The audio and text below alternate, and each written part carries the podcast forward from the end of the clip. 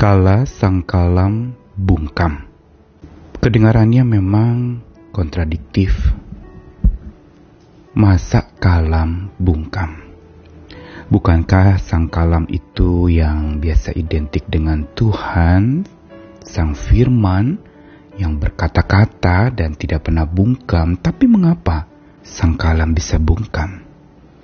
Inilah yang sering diserukan oleh orang-orang yang ada di dalam hidup yang penuh dengan kelam. Ada banyak yang mengancam, dan punahlah rasa tentram itu.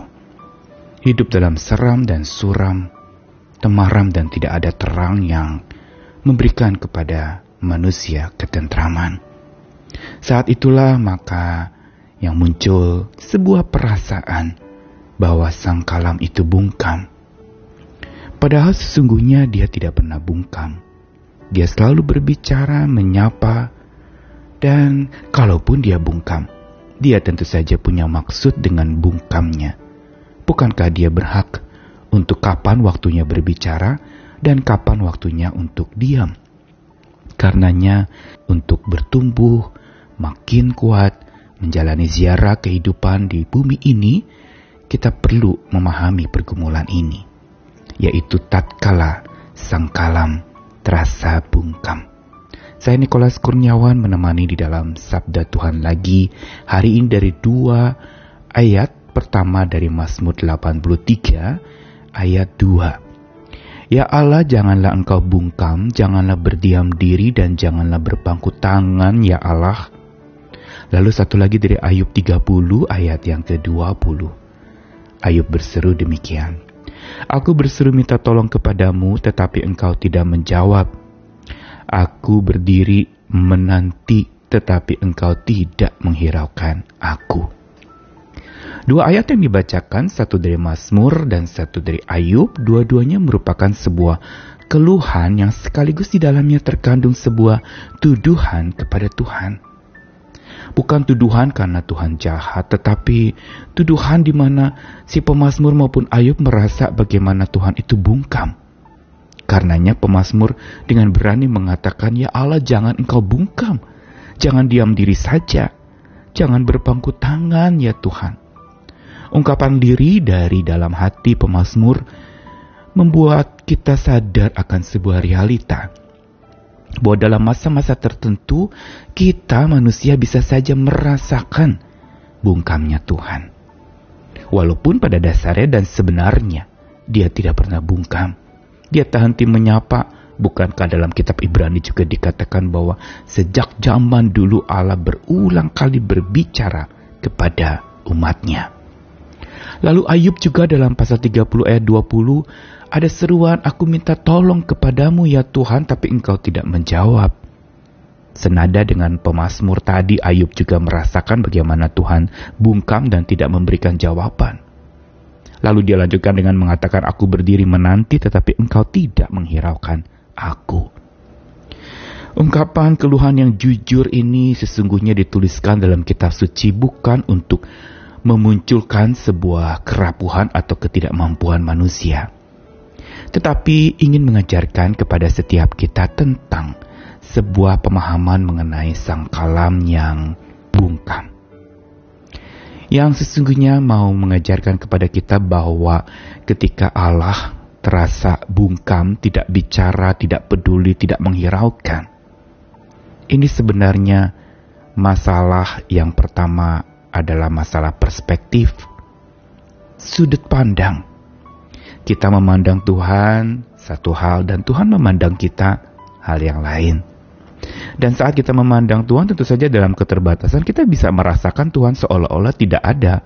Tuhan seolah-olah bungkam, tidak bicara, dia berdiam diri dan berpangku tangan dalam pergulatan dan pergumulan iman. Orang-orang percaya dalam kitab suci pun mereka pernah mengalami dan masa di mana mereka protes dan datang dengan jujur kepada Tuhan mereka dengan mengatakan berapa lama lagi Tuhan? Mengapa engkau diam saja?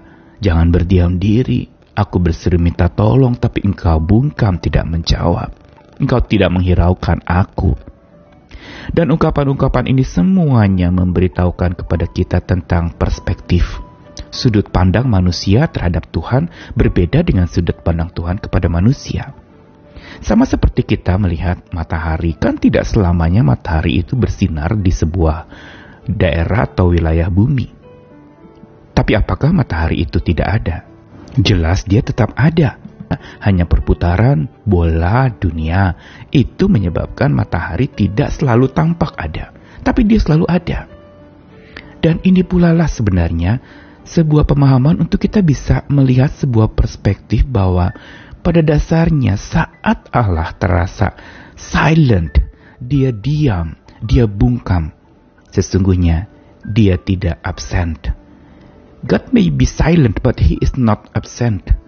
Dia mungkin diam, dia mungkin bungkam, tapi dia bukannya tidak ada. Dia bukannya tidak hadir. Dia sesungguhnya hadir di dalam kita yang merasa bungkam dia sesungguhnya hadir dan dia sedang memperhatikan dan bersama dengan kita. Hanya kita yang sering kali mengungkapkan sebuah keluhan dan protes, merasa dia bungkam. Dan yang kedua, masalah sang kalam yang terasa atau sepertinya bungkam. Mau mengajarkan kepada kita ini bukan masalah perspektif semata atau sudut pandang.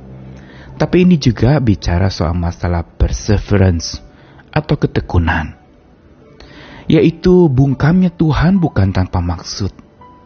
Contohnya perjanjian lama ke perjanjian baru ada masa bungkam tidak ada berita selama 400 tahun. Dan masa bungkamnya Tuhan yang tidak bicara lewat nabi, para hakim, raja, atau hamba-hambanya di dalam kitab suci. Apakah menunjukkan dia tidak ada? Dia sesungguhnya ada tetapi bungkamnya dia bukan tanpa maksud.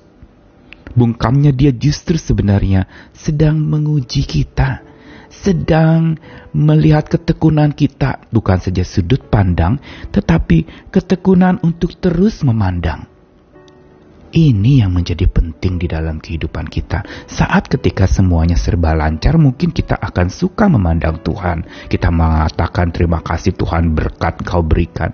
Tapi saat Tuhan terasa jauh dan tidak peduli, kita mungkin tidak lagi memandang kepadanya. Kita mencari jalan keluar solusi menurut pikiran kita. Dan lalu kemudian kita pandang sekitar kita, sekeliling kita yang tambah membuat kita sebenarnya tertekan.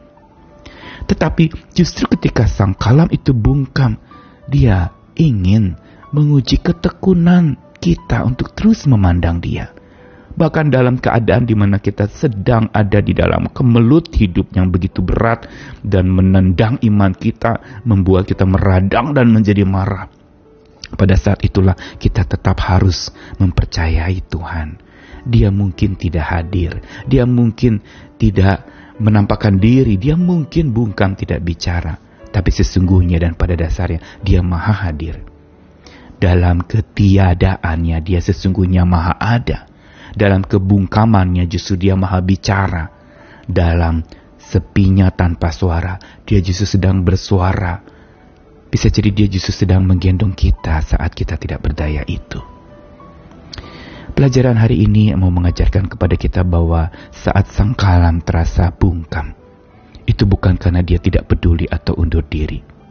Tapi dia sedang mendengarkan kita dan menguji diri kita agar makin mengalami hadirnya Tuhan di dalam jiwa kita yang sebenarnya sedang didewasakannya.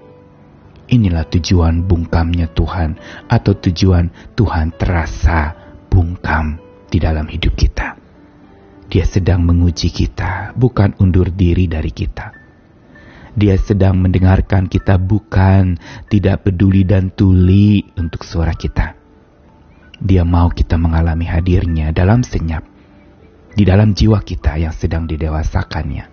Selamat diproses oleh Tuhan, selamat mengalami masa-masa yang mungkin suram, mungkin Tuhan bungkam, tapi saat itu Tuhan sedang memberikan kepada kita sebuah tentram di hati, yaitu iman yang makin dewasa, melihat Tuhan tidak pernah absen dari hidup kita, walaupun dia tampaknya silent dan diam, tidak bicara.